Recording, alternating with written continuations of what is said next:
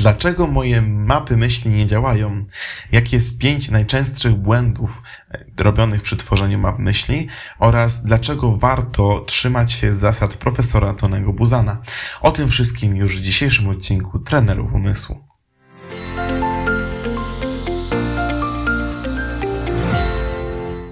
Cześć, witam Cię bardzo serdecznie e, w naszym kanale Bez Brain e, w serii Trenerzy Umysłu. Nazywam się Tobiasz Boral i jestem mistrzem Europy w szybkim, w szybkim zapamiętywaniu w konkurencji Images oraz współzałożycielem szkoły Best Brain, w której uczymy właśnie wykorzystania naszego umysłu w o wiele lepszy sposób, szybkiego uczenia się i innych bardzo istotnych rzeczy. Dzisiaj będę opowiadał o tym, dlaczego często słyszymy, że mapy myśli nie działają albo e, że mapy myśli to nie dla mnie. Dlaczego tak jest i co można zrobić, aby tak nie było, aby to narzędzie, które było używane przez, e, naprawdę jest cały czas używane przez e, największe firmy świata, największe umysły świata, e, też może być wykorzystane u ciebie. Nie musi być to tak, że jest to sytuacja, że to nie działa u mnie i mogę to zostawić. Dzisiaj o tym będę mówił.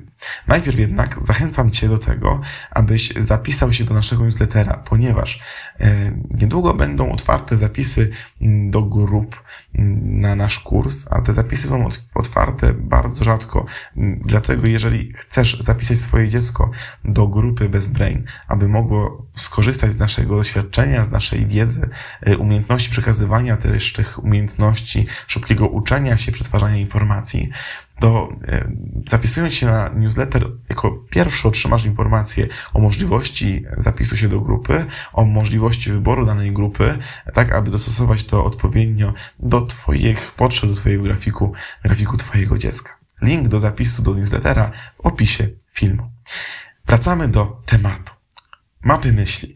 E, cały odcinek, jak robić mapy myśli, nagrał mój brat i link właśnie pojawił się teraz na górze ekranu.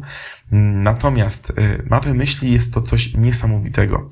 Jest to coś, co naprawdę jest pewną rewolucją w, w uczeniu się, ale nie tylko w uczeniu się, w przetwarzaniu informacji. Jest to największy wynalazek według mnie w, w czasach tej całej rewolucji informacyjnej, która jest wokół nas. Dlaczego? Bo jest to coś, co pozwala nam zapanować nad chaosem informacji, wiedzy, e, mnogości wątków, e, pozwala nam bardzo dobrze zobaczyć pewne problemy z pewnego poziomu abstrakcji, z lotu ptaka. Potrafi nam pomóc w szybkiej nauce, e, w planowaniu i tym podobnych. Natomiast bardzo często słyszymy, że właśnie to nie działa, e, to mi nie pomaga, dlaczego ja nie robię mam myśli? No bo są niepasujące do mnie. E, dlaczego tak jest? Mapy myśli bardzo pasują do naszego mózgu. Tylko my nauczyliśmy się źle notować, źle przetwarzać informacje. Nauczyliśmy się robić rzeczy błędnie i teraz trudno nam wejść do lepszego sposobu przetwarzania informacji. Troszeczkę to jest tak, jakby ktoś nas nauczył jeździć na rowerze i my bardzo chcemy jeździć na rowerze. Rower jest super, Notatki zwykłe też są bardzo dobre. Bardzo często nam mogą pomóc. Natomiast potem ktoś podjeżdża Ferrari i mówi, chodź, nauczę cię jeździć Ferrari i będziesz o wiele szybciej mógł dojechać, e, nie wiem, do, e, do mnie na herbatę. A mówi, Spróbuję. Siadamy, a to zbyt trudne. Nie, wolę rower. E, I teraz mieliśmy możliwość zrobienia czegoś o wiele lepiej, szybciej, nauczyć się nowej umiejętności, która by też dała nam pewne możliwości. Ale my zostajemy przy czymś bardzo okrojonym, e, co niekoniecznie będzie dobrze współgrało z naszym, e, z naszym umysłem, z naszymi umiejętnościami. Teraz, dlaczego zasady są tak ważne? Wyobraźmy sobie, że dostaliśmy przepis na pyszne ciasto.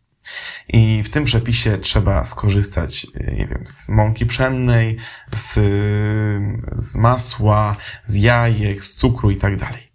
I teraz to są pewne zasady tworzenia tego ciasta. Teraz ktoś usłyszał o tym wszystkim, pomyślał, no tak, czy ja potrzebuję dać mąkę, potrzebuję dać jakiś tłuszcz, e, no i jajka i cukier to wiadomo. I albo tak przekazał komuś, albo tak sam to zrozumiał i zamienił masło na smalec, a mąkę pszenną na mąkę ziemniaczaną. Myślę, że jeżeli ktoś chociaż troszeczkę miał możliwości działania z tymi produktami, wie, że wyjdzie w ogóle coś innego. To nie będzie ciasto i nie będzie raczej smaczne, kiedy zrobimy ciasto z mąki ziemniaczanej i ze smalcu. Dlatego e, tak ważne jest to, aby trzymać się zasad. Te zasady nie były utworzone tak po prostu. Profesor Tony Buzan, który stworzył metodę mam myśli, oparł je na wiedzy dotyczącej naszego mózgu, do wiedzy dotyczącej funkcjonowania naszego umysłu. Oparł to na tym, w jaki sposób notatki robi Leonardo da Vinci, Albert Einstein i dlatego te notatki wyglądają tak, a nie inaczej. Dlatego mapa myśli musi wyglądać tak, a nie inaczej. Ważne jest to też, żeby nauczyć się tych podstaw dokładnie jak mówi profesor Tony Buzan. To jest trochę tak jak z nauką muzyki. Jeżeli nauczymy się dobrze muzyki klasycznej, pisać utwory muzyki klasycznej, grać muzykę klasyczną, to potem możemy z tego zrobić jazz, ale ten jazz będzie brzmiał, on nie będzie chłamem, on będzie czymś bardzo dobrym, bo oparliśmy to na zasadach, które wyjęliśmy z tych podstaw e, związanych z harmonią, z dźwiękami, e, ze wszystkim tym, co jest w muzyce klasycznej bardzo ważne. Dlatego naucz się najpierw robić dobre mapy myśli, zrób ich bardzo dużo, a później z pełną świadomością, dlaczego coś zmieniasz, nie, zmieniaj. Zrób z tego jazz, tak żeby to dla ciebie było dobrą notatką, dobrym narzędziem. Ale żeby to móc zmieniać, to musisz zrozumieć, dlaczego to jest ważne i dlaczego tak, a nie inaczej masz to zrobić. I jeszcze jedna rzecz. Widziałem wiele map myśli, chociażby w podręcznikach szkolnych u dzieci, które uczę, albo nawet w podręczniku e, dla nauczycieli, jak uczyć map myśli. Widziałem mapy myśli w, w płatnych szkoleniach, które były proponowane jako właśnie przykład mapy myśli e, dla ludzi. I te wszystkie mapy, naprawdę nie widziałem jeszcze mapy, która była zrobiona zgodnie z tym, co mówił profesor Tony Buzan. Tam były te błędy, o których właśnie teraz będę mówił. Jakie jest pięć najczęstszych błędów robionych w mapach myśli? Pierwszy z nich. Nad jedną gałązką jest więcej niż jedno słowo. No ale jak to no? Przecież jak mam to napisać? Jak mam napisać yy, tą informację, że, nie wiem, żyrafa ma dwie lub trzy, ma dwa lub trzy rogi w zależności od gatunku. Tego się nie da napisać pojedynczymi słowami. Tutaj, tutaj trzeba napisać zdanie. I teraz to właśnie jest bardzo duży problem wśród osób, które zaczynają trening i zwykle robią to samodzielnie, bez pomocy drugiej osoby, bez pomocy eksperta, bo nie widzimy, w jaki sposób możemy tutaj sobie poradzić. Dlaczego to jest tak ważne? Po pierwsze, mapa myśli jest mapą jeżeli na mapie, takiej zwykłej mapie y, samochodowej, tak, byśmy zawali wszystkie informacje, byśmy narysowali wszystkie drzewa, narysowali wszystkie źdźbła trawy, na, namalowali wszystkie e, budynki, wszystkie drogi, a była to by mapa Polski, czyli była to bardzo duża e, skala, e, to w tym momencie byśmy nie widzieli dróg, nie widzielibyśmy miast, bo wszystko byłoby zamazane. A my chcąc napisać wszystkie informacje w mapie myśli, robimy to samo. Mapa myśli jest mapą. Ma nas prowadzić po wiedzy, ma nas prowadzić po informacjach, ma nas prowadzić po naszych myślach, a nie ma zastąpić naszych myśli. Dlatego warte, warto jest znaleźć konkretne słowa klucze, które nam pomogą rozbić te wszystkie informacje naszej głowie na małe elementy. O tym, jak tworzyć słowa klucze, mówił mój brat w odcinku o metodzie Cornela. Link e, wyświetla się teraz na górze e, ekranu. To jest pierwsza rzecz. Druga rzecz. E, umiejętność rozbijania informacji na słowa pojedyncze pozwala nam wejść w wielokierunkowe e, myślenie, czyli przetwarzanie wielokierunkowe. E, zobaczcie, można to zrobić w taki sposób. Czyli jeżeli chodzi o tą żyrafę, to można to rozbić, że jest żyrafa, że ma różne gatunki i gatunki dwa mają rogi, dwa lub trzy, w zależności od rodzaju. I w ten sposób wszystko jest zapisane. I zobaczcie, że e, dzięki temu, że to rozbiliśmy, po pierwsze, mapa myśli jest o wiele bardziej czytelna, bo nie musimy czytać zdań i przyspiesza to nam czytanie tej mapy myśli. Po drugie, nie ma tej waty, nie ma tej rzeczy, która nas powalnia przetwarzanie informacji i nasz mózg nie musi przeskakiwać wzrokiem pomiędzy informacjami, które są na mapie myśli, żeby zrozumieć całość. E, I po trzecie, zobacz, że bardzo łatwo wyszła tutaj hierarchizacja informacji. Czyli te informacje, które są coraz to bliżej środka, są jak gdyby główne, ważniejsze. Bo informacja, że żyrafa ma różne gatunki jest ważniejsza niż to, że ma trzy rogi. A że te gatunki różnią się rogami, to jest ważniejsze, ile jest tych rogów. A ilość, jest, ilość tych rogów jest najbardziej szczegółową informacją, którą warto by było zapamiętać, ale jeżeli chodzi o cały obraz informacji o żyrafach, nie jest to aż tak ważne. Drugi błąd, który najczęściej pojawia się w mapach myśli, jest to błąd związany z tym, że nie ma na niej obrazków. No dobrze, ale ja nie jestem artystą. Nie lubię obrazków. Okej, okay, nie chodzi tutaj o obrazki artystyczne. Chodzi o proste obrazki, które ty narysujesz. Nasza prawa półkula potrzebuje obrazków, aby móc się włączyć. No dobrze, ale nie miałem czasu. Ważne było, żeby zrobić mapę myśli, a nie żeby zrobić rysunek. Map, rysunek w mapie myśli nie jest elementem dekoracyjnym. Jest elementem tworzenia mapy myśli. Jest elementem zaangażowania prawej półkuli, aby zaangażowała się w proces przetwarzania informacji, które przetwarza również lewa półkula. Dlatego rysowanie obrazka ma być podczas tworzenia gałęzi, podczas tworzenia mapy myśli, a nie na końcu. Nawet prosty obrazek jest bardzo potrzebny, aby pokazać nam yy, albo nasze skojarzenie, albo pokazać nam pewien, pewne rozdzielenie informacji za pomocą symbolu, albo pomóc nam zapamiętaniu jakiejś informacji. Ale na pewno po to, aby uruchomić prawą półkulę. Nie musimy wszędzie rysować obrazków, ale zwykle przy głównych gałęziach zawsze rysujemy obrazki, a przy innych warto narysować e, wtedy, kiedy mamy jakieś potrzeby lub jakiś pomysł, jak narysować ten obrazek. Ważne jest również to, żeby obrazek nie był za gałęzią, tylko nad gałęzią, czyli żeby był razem ze słowem, aby nie tworzył pewnego rodzaju mm, chaosu. Czyli nie jest tak, że obrazek nagle dają w prawym górnym rogu, bo nam się skojarzył z całą mapą myśli, ale on musi być bezpośrednio dopasowany do konkretnej informacji, która jest na mapie myśli. Aby też był połączony z lewą półkulą, aby dwie półkule naraz współpracowały e, na, podczas procesu tworzenia mapy myśli. Trzecia sprawa, hierarchia informacji. O tym troszeczkę wspomniałem, jeżeli, e, w przypadku mówienia o tym, że jedno słowo może być nad gałęzią. Natomiast ważne jest to, żeby po pierwsze nie robić takiego dziwactwa, w którym mamy gałąź, tak jak to jest teraz obok narysowane, i z środka tej gałęzi wychodzą inne gałęzie. Bo wtedy nie, wie, nie wiemy skąd wychodzą te gałęzie, co jest ich nadrzędną informacją. Zaczynamy się gubić. Bardzo ważne jest to, żeby wyjść z końca poprzedniej gałęzi, aby każda kolejna gałąź miała swój początek w końcu poprzedniej. Aby ta hierarchia była bardzo prosto zauważalna w naszym mózgu, aby nie było problemów z odczytaniem naszej intencji, z odczytaniem słów i tego rozumowania, które wypisaliśmy e, na mapie myśli.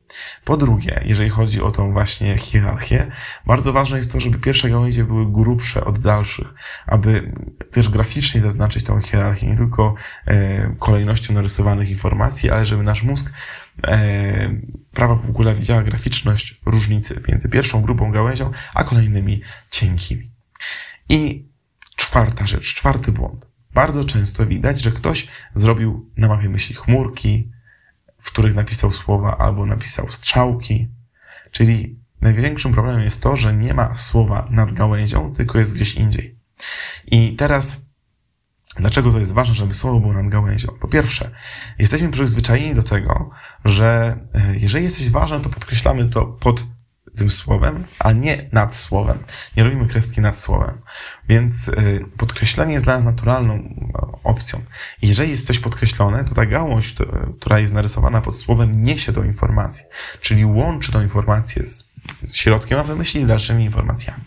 Jeżeli natomiast ta, to słowo jest za gałęzią, pod gałęzią, ta gałąź staje się separatorem informacji. Ona nam rozdziela te informacje. Nie widzimy ich przy sobie bardzo blisko. Musimy przeskoczyć wzrokiem i włączyć kolejne nasze zasoby, żeby zrozumieć, o co nam chodziło e, i jak coś chcieliśmy zrobić. Wkradać po prostu chaos.